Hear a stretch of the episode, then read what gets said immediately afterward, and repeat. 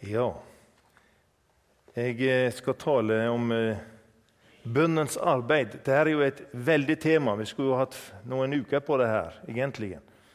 Men jeg rører ved noe av det i eh, formiddag. For bønn eh, tror jeg er noe som kom inn i mitt kristent liv gjennom at jeg var så tett på Går det greit at jeg sier mamma? Ja. Min mor var fantastisk bønnemenneske. Er det noe som jeg husker henne for, så er det når hun satt i sin gode stol på slutten av livet og ba og nevnte navnene på alle barn og barnebarn og oldebarn. Hun hadde jo oppi 20 stykker av de, og Hun nevnte dem med navn hver enda dag og ba til Gud. Bønn hadde vært noe av det som preget hjemmet vårt. Og eh, bønn har blitt for meg eh, hva skal jeg si et must. Det er avgjørende. Jeg tror jeg kan si at jeg har, ikke, jeg har ikke stått her kanskje, om ikke det har vært for at Gud har ført meg inn i dette som har med bønn og forbønn å gjøre. Og Når vi da beveger oss inn i dette med bønn, så vil jeg si innledningsvis at eh, du må glemme deg selv. Vi har så veldig lett for å komme i veien eller i fokus når det gjelder bønn. Og så blir det det som dreier seg rundt oss. Men skal du være en effektiv forbeder, jeg bruker ordet effektivt, litt bevisst, så er det at eh, du må glemme deg selv. Og du må gå inn og be på andres vegne. Og når du gjør det og lever et uselvisk liv i bønn, så vil du oppleve at himmelen fører deg inn på nye områder som du aldri kunne tenke deg du kunne komme inn i. Det er et dyp i bønn. Det er, det er, en, det er en, en, rekkevidde i bønn å komme inn i. Og jeg syns bønnelivet er utrolig spennende. Men det, også, det stiller krav til oss av disiplin. Det stiller krav til oss om å være uselve, som jeg aldri har nevnt. Det stiller krav til oss at vi har evner å være følsomme i vårt hjerte for det som ligger på pappas hjerte i himmelen. Amen. Bønn handler ikke om at jeg og mine ord forvandler noe. For oftest når vi er i bønn, så blir det vi som blir forvandlet når vi er innenfor ham. Ikke sant vel?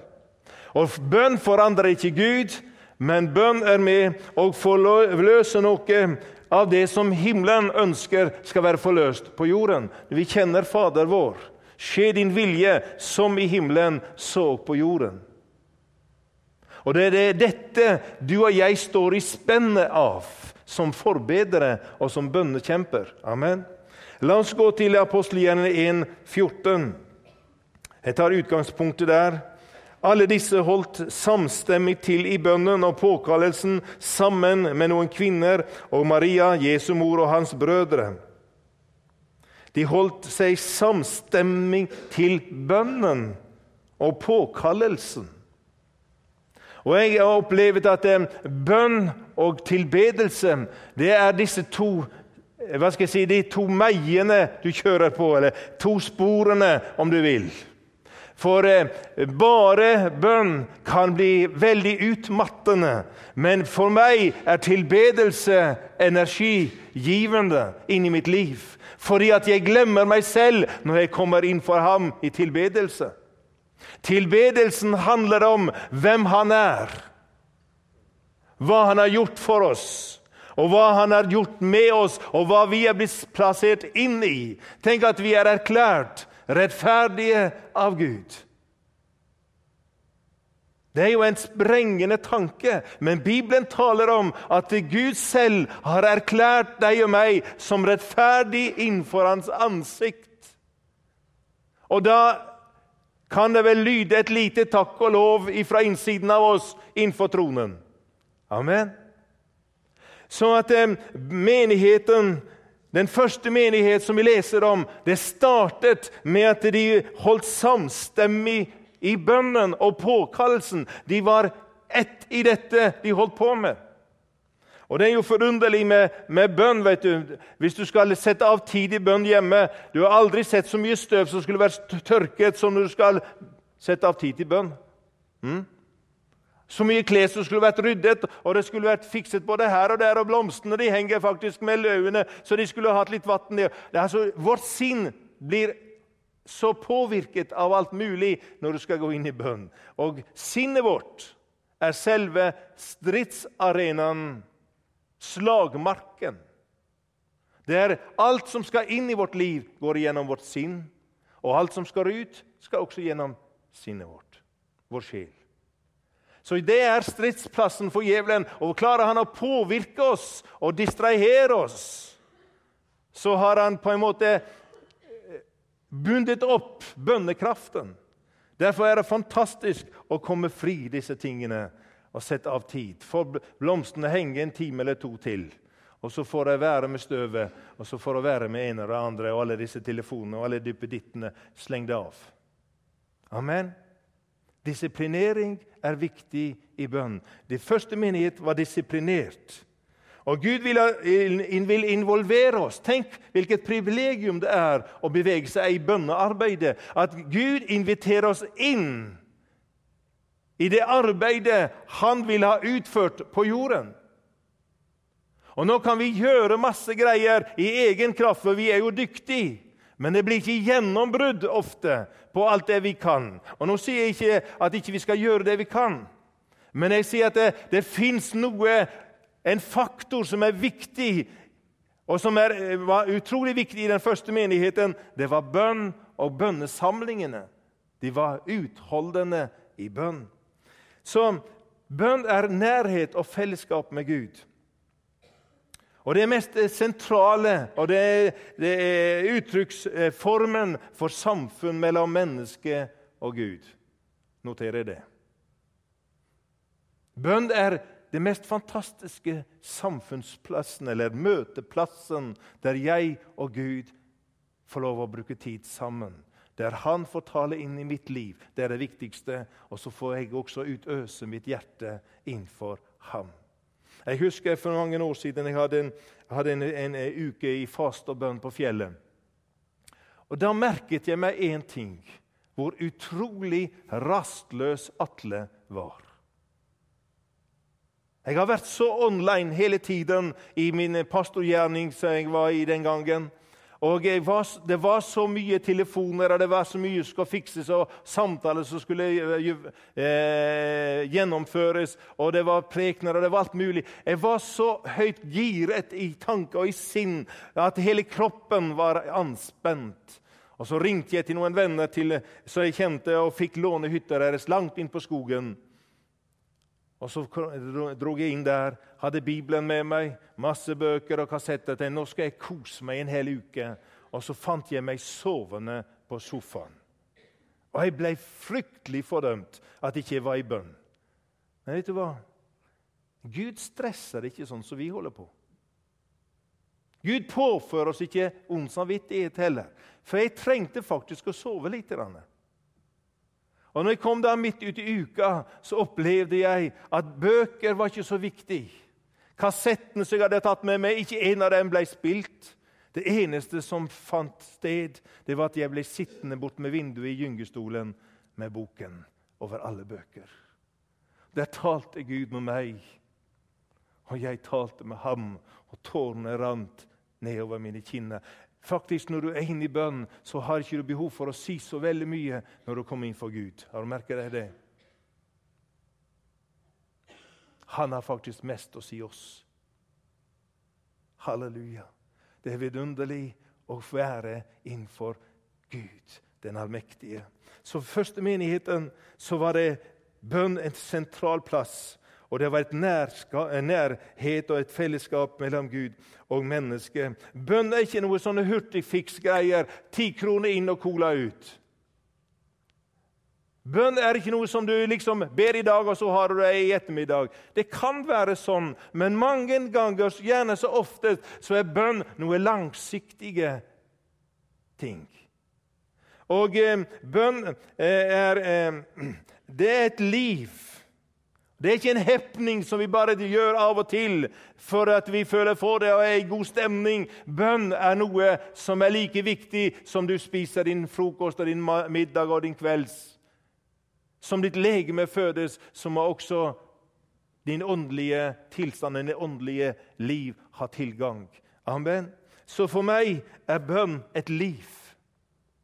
Det er ikke noe som jeg kliver inn i og går ut av. Det er et liv. Jeg ber veldig Jeg skal ikke stå her og skryte, for det er veldig dumt. Men når jeg begynner å bli observant, og jeg tror mange av dere ber mye mer enn dere tenker Vi går og snakker med Gud i vårt indre hele veien. Mange ganger når jeg går på gaten Og det hender veldig ofte at jeg ser for eksempel, Hvis jeg ser en som går der med stokk og er blind Det var noe som toucha meg så sterkt i mitt hjerte. Eller jeg ser en som er skrøpelig og har det vondt. Eller jeg ser andre ting. Jeg berøres av noe, og jeg har bedt til Gud Gud, hjelp meg å berøres av det som berører deg. La meg ikke være overfladisk kristen som bare ser behovene og går hastig forbi. Men la meg være som denne samaritanen som ikke bare gikk forbi, men han gikk inn og brydde seg om den som var overfalt av røvere. Bønn er å involvere hjertet sitt, og det er et arbeid. Jeg husker for mange år siden den tiden var vi forstandere par i Kristiansund. Og eh, på, eh, på nyttårsaften, på ettermiddagen eller på dagen der, så talte Gud til meg. Atle, gå opp og be for byen. Og jeg tenkte Vel, det var, ikke, det var begynt å blåse opp, og det var litt sånn dårlig vær. Men Guds ånd ga meg ikke fred. Opp og be for byen. Så jeg eh, utpå ettermiddagen så sa jeg til Solfrid, kona mi, at eh, jeg, jeg, jeg, må opp på fjellet og be for byen. Og jeg, jeg hadde en plass jeg brukte å gå når jeg, jeg ba. Da hadde jeg oversikt over hele byen og distriktet rundt. Det var en fantastisk bønneplass. Så jeg gikk opp på fjellet der, og det var blåste litt frikst allerede på ettermiddagen. Men jeg står der med denne bønnevarden. Jeg bruker å kalle den der. Det var en vard jeg holdt meg i. Sto der og ba for byen. Og så kom det opp eh, noe i mitt hjerte. Spar liv. Og Når jeg sier dette, så sier jeg med hel bevissthet Vær var for de ord Den hellige ånd leder deg til å be ut. Er ikke, det er ikke sikkert du forstår det med din forstand der og da. Men det betyr ikke at det er feil. Du skal være frimodig og be ut det Ånden minner deg om.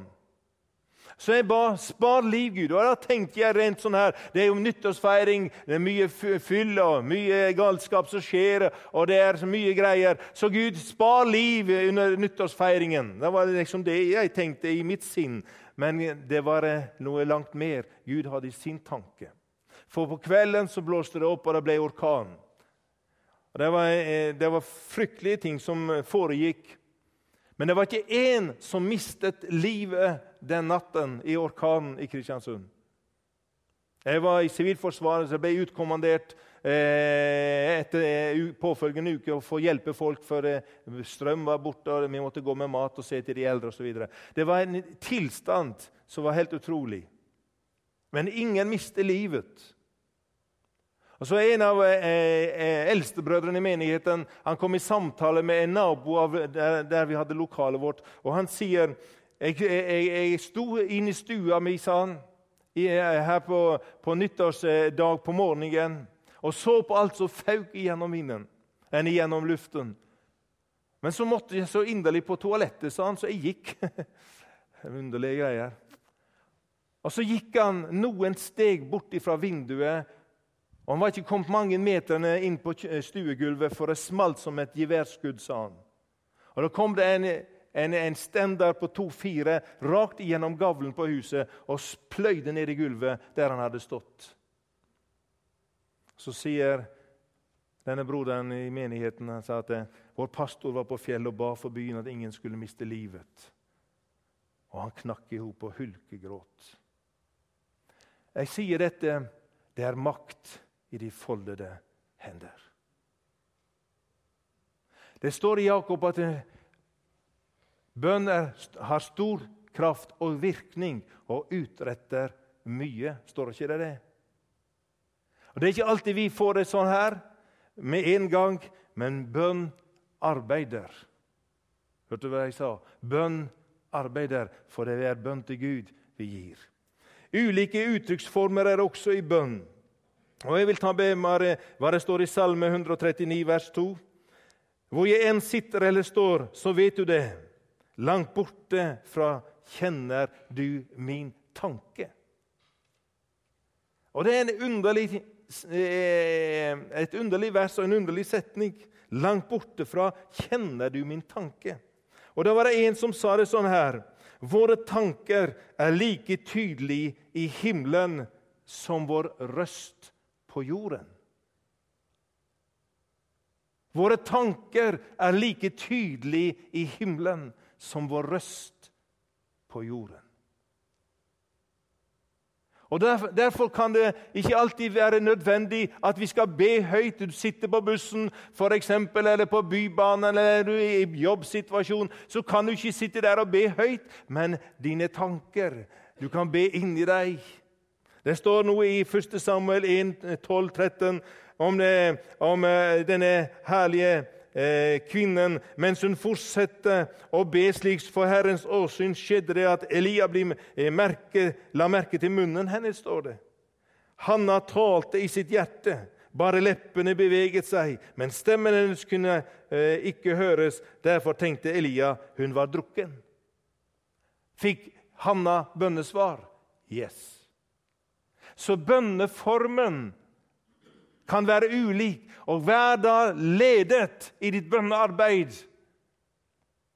av Den hellige ånd. Der det er mulig å be høyt, vel, der kan du be høyt. Men la liksom ikke tanken være at hvis ikke jeg får be sånn som jeg bruker å gjøre i mitt lønnkammer, så er det liksom ikke bønn. Bønn har mange ulike uttrykksformer. Og la deg ledet og være vis i det du utøver bønnearbeid. Amen. På jobben, når jeg eh, utfører bønnearbeid på jobben, så kan ikke du stå der og be så veldig høyt. Det er jo ikke et bønnemøte, men du kommuniserer med den høyeste Gud. Du taler med Ham som har all makt i himmelen og på jorden. Du legger frem menneskers behov innenfor Ham som har all makt i himmelen og på jorden. Så ulike uttrykksformer i ulike forhold har jeg notert. Amen. Eh, eh, bønnelivet og bønnelivets innhold er jo også interessant å se litt på, for nå, nå skummer jeg litt i dag.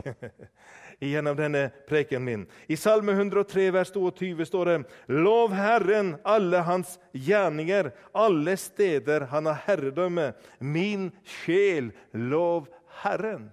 Og legg merke til hva han sier. Min sjel lov Herren. Det er lovprisning.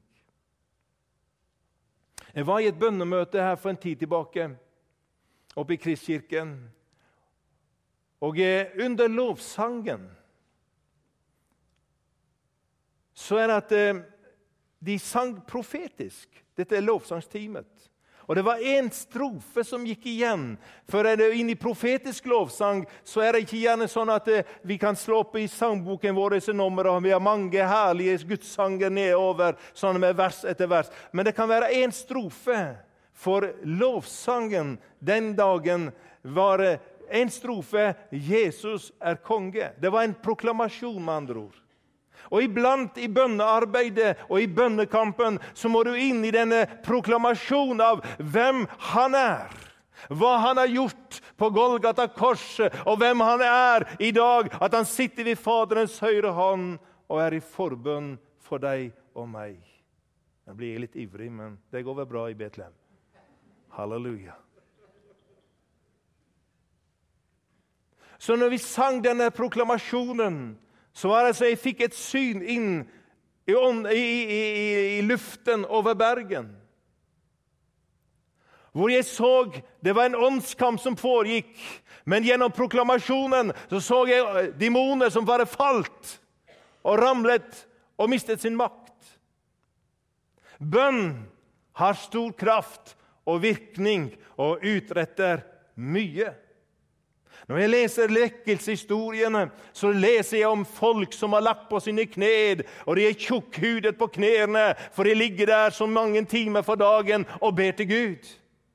Jeg elsker å lese om disse bønnekvinnene som er, er slitte på, på knærne sine, for de har lagt der så mye i bønn til Gud. Og Jeg husker en forkynner som sa det sånn. Han vokste opp i et herlig hjem. Trangt var det, og de var mange søsken. Men så sier han når eh, mamma skulle be på kjøkkenet, så måtte vi barna tie stille. Da, vi, da forsto vi at nå er det stilletime for oss.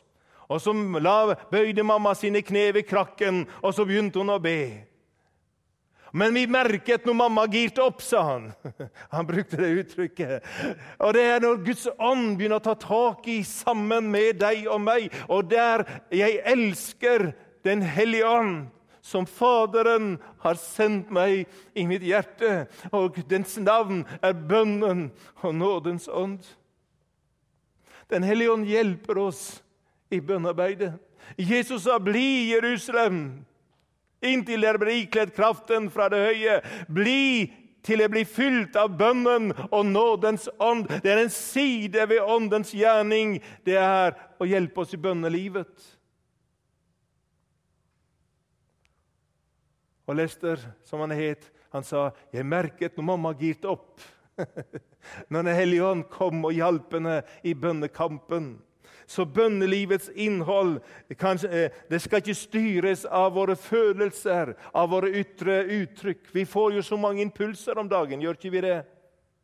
Vi har jo alle disse duppedittene våre av eh, både telefoner, og vi har iPad, og vi har eh, datamaskiner, og vi har magasiner og TV. Altså, Vi får så mye informasjon at iblant så må du bare skru av for å få informasjonen over alle info. Amen. Jeg var i, i Burundi for et par år siden. Reiser jeg, har ganske jevnlig er til Burundi i Afrika og har pastor- og lederseminar. Og En av disse nettene så opplevde jeg noe Ja, det var litt ekkelt, jeg må innrømme det. For jeg hadde bedt for veldig mye folk. Det gjør vi i alle seminarene våre. Og veldig mange blir helbredet, bl.a. Folk får syn tilbake, hørsel tilbake osv. Men den natten så våknet jeg av at jeg ble lam fra halsen og ned. Jeg kunne ikke røre en finger. Det var en fryktelig ekkel følelse. Jeg var helt låst. Og jeg ble liggende der i denne tilstand av noe uhyggelig rundt meg. Og Da var det bare én ting som jeg leste her, om tanken. Du kjenner den langt borte fra. Du kjenner min tanke. Så det eneste jeg kunne gjøre i den situasjonen i starten, det var Jesus. Det var alt jeg klarte. Og Jeg lå der en liten stund og bare Jesus ropte fra mitt indre. Jesus. Proklamerte Jesus. Og til mer jeg bar Jeg vet ikke hvor lang tid det Det var noen minutter det her pågikk. Jeg lå der i sengen. Så kjente jeg at det var noe som eh, slippe taket rundt halsen på meg, og så forsvant det ut av rommet. Iblant er vi, og når jeg sier dette Iblant er det nærkamp når du er forbeder. Hallo? Og det er ikke farlig. For han som er på innsiden av oss, han er større enn den som er i verden. Halleluja. Det er flere med oss. Og Jeg fortalte min gode venn eh, som jeg reiste sammen med dagen etterpå, om min opplevelse. Og Jeg har vært borti noe sånne Da er det nær kamp. Av og til så kommer vi borti det. Og andre tider er vi forbedre på mer avstand. Men bønn er arbeid, og det er kamp. Hvorfor kamp? Jo, fordi at eh, djevelen har inntatt områder som skal befries. Mamma ba til Gud for meg, for etter jeg ble kristen, så var jeg på folkehøyskole borte i Valdres og fikk meg en liten trøkk. og Det ble litt vanskelig for meg. Så Bibelen ble lagt på hylla igjen og begynner å få et sånt hvitt lag på toppen. Har du vært borti det? Det er støv. Mm -hmm. Og det betyr han har ikke vært brukt på en tid. Og eh, Jeg reiste i protest hjemmefra når jeg flyttet tilbake igjen etter skolen og fikk meg lærlingplass. Og det ble masse greier. Men nok om det. Mamma gikk i bønnekamp for meg. og Hun forteller meg i etterkant jeg orket ikke å være alene om, eh, eller jeg orket ikke å møte folk, sånn som hun sa. Må, det var sånn intens kamp. Jeg gikk opp om nettene og ba og ropte til Gud, for jeg hadde jo gitt deg til ham. Jeg hadde jo en bønn at du skulle bli brukt av Gud. Så hun kjempet i bønn, i nærkamp. Iblant er det nærkamp. Dere som er i bønn, vet hva jeg snakker om. Og Hun gav seg ikke, for hun, det står som, at, som denne her enken som møtte dommeren. vet du. Hun gav seg ikke, hun ville ha sin rett. Hjelp meg til min rett, Herre. Jeg har gitt Atle til deg. Han skal få lov å tjene deg i sitt liv. Og Herre, jeg krever han tilbake igjen fra fienden som har stjålet hans eh, oppmerksomhet. Og hun gav seg ikke før jeg brøt igjennom, og jeg kom tilbake til Jesus. Halleluja. Vet du hva mamma sa? Det siste mamma sa til meg før hun gikk hjem, det var Atle, om noen sårer deg, snu det andre kinnet til. Og sørg for at du fullfører løpet og bevarer troen. Det var kloke ord fra en mamma. Ha romslighet, ha overbærenhet, men sørg for at du følger hjertet ditt. Amen. Så bønn har ulike uttrykksformer. Det å be stille. Og bønn har et fantastisk innhold som har med forankringen i ordet. Du må ha bønnen forankret i ordet. Iblant så er det bare at du må be ut de løftene som står her. Mm -hmm. Og det er fantastisk kraft i Guds ord. Det skal aldri få gå, det som står her. Himmel og jord skal få gå, men mine ord skal aldri få gå. Det er noe som er holdbart inn i evigheten når du proklamerer ordet i bønnen. Og I bønnearbeidet og i bønnekampen så er det dette som bryter igjennom når det er nærkamp. Forstår dere hva jeg mener? Halleluja. Det er herlig. Og jeg tror at bønn er avhengig, bønnelivet vårt er avhengig av åndens kraft, åndens inspirasjon. Det står i, i Sakarias 12,10 over Davids hus og over dem som bor i Jerusalem, skal jeg utøse nåden og bønnens ånd. Gratulerer med dagen, Betlehem. Han skal utøse bønnen og nådens ånd. Og jeg må si igjen at det bønn Den hellige ånd inspirerer oss. Den hellige ånd hjelper oss. Det står i Romerbrevet 8,26. Og, og her kommer også Ånden oss til hjelp i vår skrøpelighet.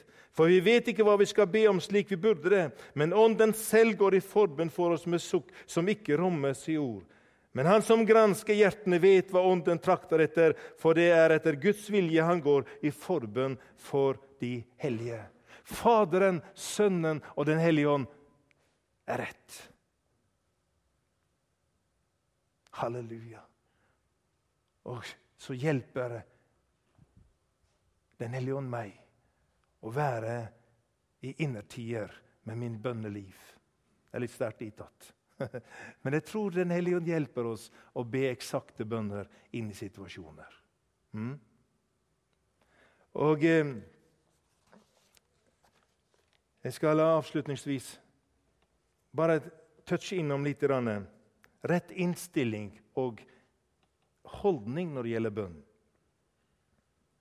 For eh, det er så lett for at vi ber for nå er vi syke. Eller vi har en utfordring. Vi har mangla noe penger, eller hva det enn måtte være. av sånne eh, ting. Så er det så lett, for Da stuper vi inn i bønn og ber intenst. Men vet du hva jeg sa? Bønn er et liv.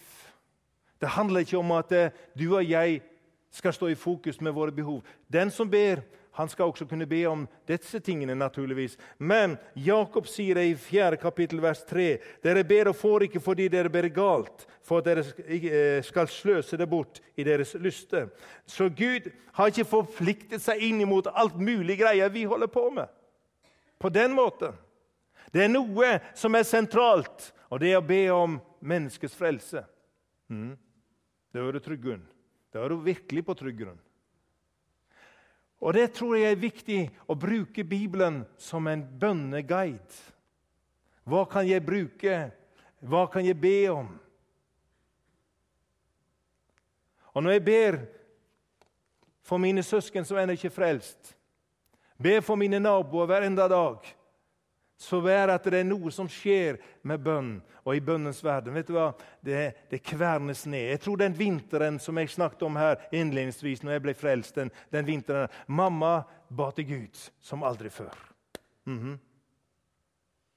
Hun merket nemlig at det, jeg hadde en annen kurs enn hun, hun, hadde gitt meg til Herren med i tankene da hun, hun, gjorde det den gangen oppe på Haukeland her. Jeg hadde en annen kurs. Djevelen var i ferd med å snu kursen min.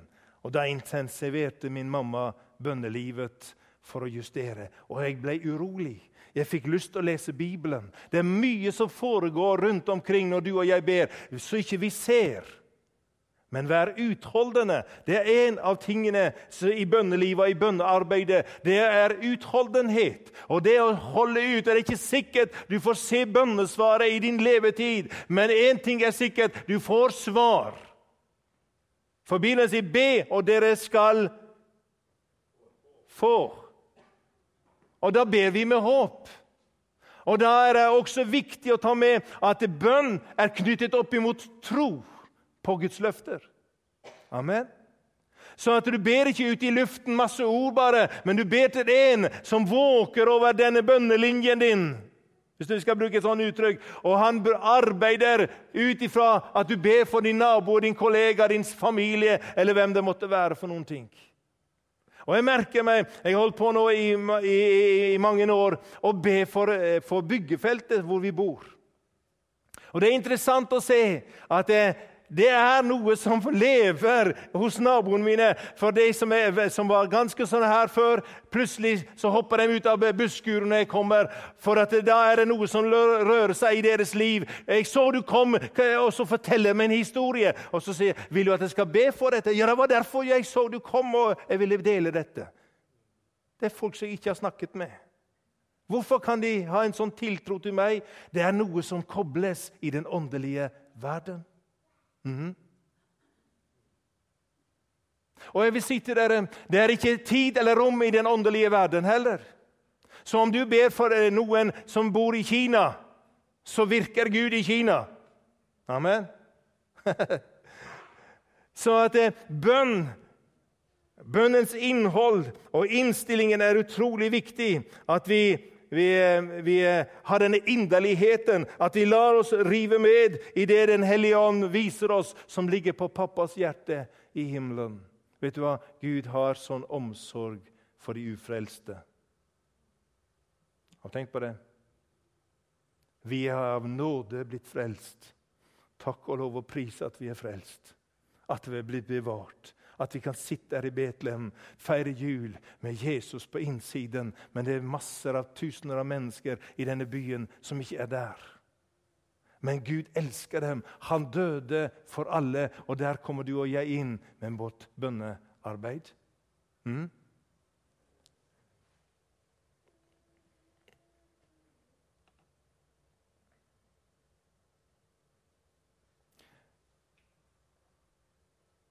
Grad av inderlighet er direkte, eller ofte i hvert fall, bundet opp med den åndelige hungeren vi har.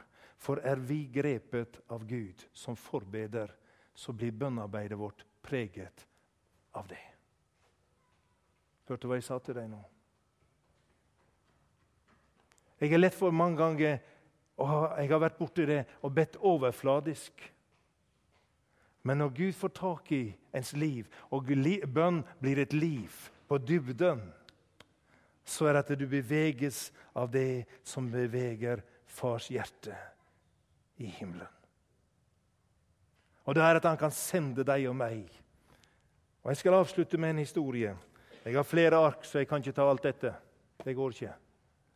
Men jeg skal avslutte med en eh, historie. Det var en mann bodde oppe i Fana Jeg, jeg fikk denne historien fortalt. Og Han var hjemme en dag, og så hørte han bare Gud talte til ham.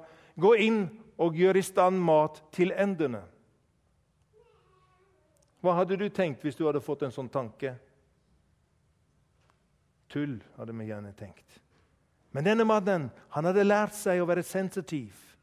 Så han gikk inn og skjærte opp brød og laget til en pose med mat til endene. Og Så spurte han herre, hva vil du med det her? Så sa herren, sett deg på bussen til byen. Vet du, Gud gir sånne etapper iblant. Så han satte seg på bussen til byen, og han kom til bystasjonen. Så sa han, herre, hva, hva nå? Er jeg kom til byen. Klart Herren visste jo det.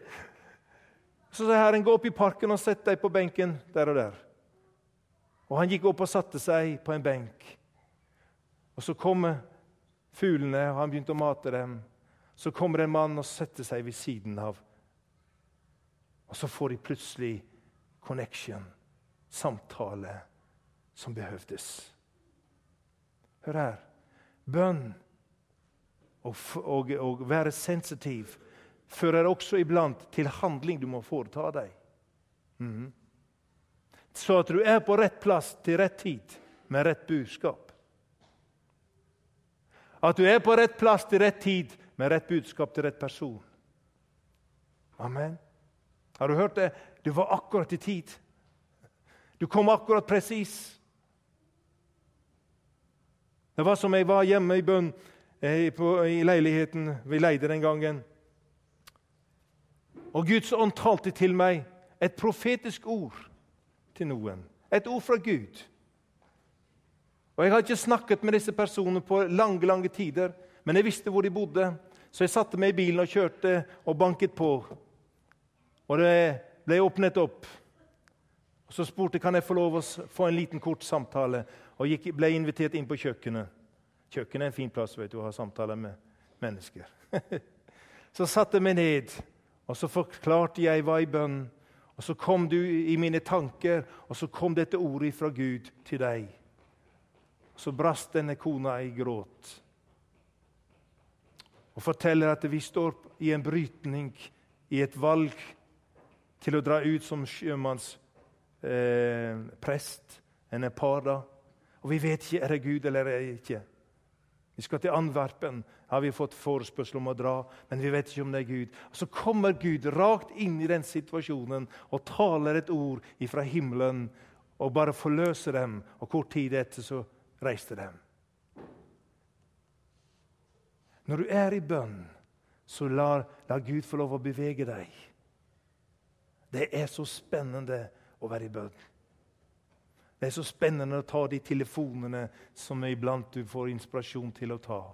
Men vær og jeg vil avslutte med det, vær ydmyk i din tjeneste i bønn. Vær ikke sånn at 'jeg har sett' liksom lyset. Vær ikke brautende. Men kom gjerne og si 'Kan det være sånn at Gud kaller deg eller taler om', eller er du i den situasjonen? Vær litt ydmyk.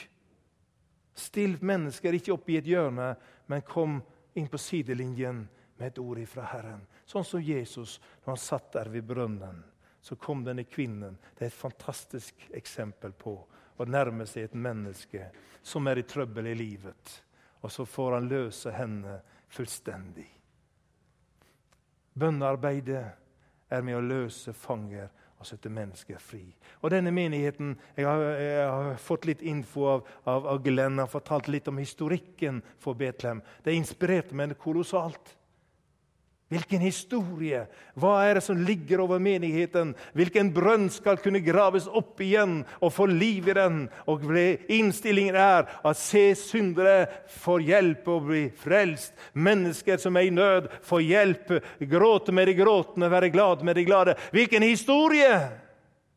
Unnskyld, nå ropte jeg litt her. Men du skjønner, Bønnen må ligge i bunnen, og det forløser energi, det forløser kall, det forløser visjonen. Det får deg på sporet igjen av å være i, i, sentrum av Guds vilje med ditt liv. Både som enkeltmenneske og som menighet. Jeg gleder meg til over nyåret. Da skal vi ha bønn og fastuke i, i Kristkirken. Og det skal bli herlig å møtes daglig og være i bønn. Amen. Gud velsigne dere. Jeg har ikke tid til mer i dag. Men han ønsker dere velkommen innenfor hans ansikt, altså vår Far i himmelen. Be med frimodighet. Be med hengivenhet. Og glem deg selv en tid og gi deg inn i bønn for andre. Gud sørger jo for deg. Amen. Takk og lov og pris. Fader, jeg ærer deg og takker deg for all din nåde og miskunnhet imot oss. Og jeg takker deg for det livet du har kalt oss til å leve, tett innfor deg, sammen med deg, der du taler til oss, og vi får utøse vårt hjerte for ditt ansikt, far. Og Fader, vi ærer deg og takker deg, for bønn er ikke noe en ordflom, men det er hjerteuttrykk innenfor deg. Så far, hjelp oss å være sensitive, påvirkbar av det vi ser rundt oss. Så at ikke vi er harde og, og, og, materialistiske i vårt vesen og holdning, men at vi kan få lov å bøye oss ned i sammen med mennesker som har behov. Gud, velsign menigheten Betlehem. Velsign ledelse. Velsign lovsanger, musikere. Velsign barnearbeidere. Velsign alle de frivillige. Alle de som gjerne ikke er på plattformen, men som gjør en utrolig jobb. Velsign den eldre generasjonen som er trofast innenfor ditt ansikt. Velsign ungdommen med all sin kraft og sin styrke. Velsign manndom og alderdom. Herre, la alle generasjonene gå med én hensikt. Vi skal tjene Gud i det du har kalt Betlehem til. Velsign menigheten i Jesu navn. Amen.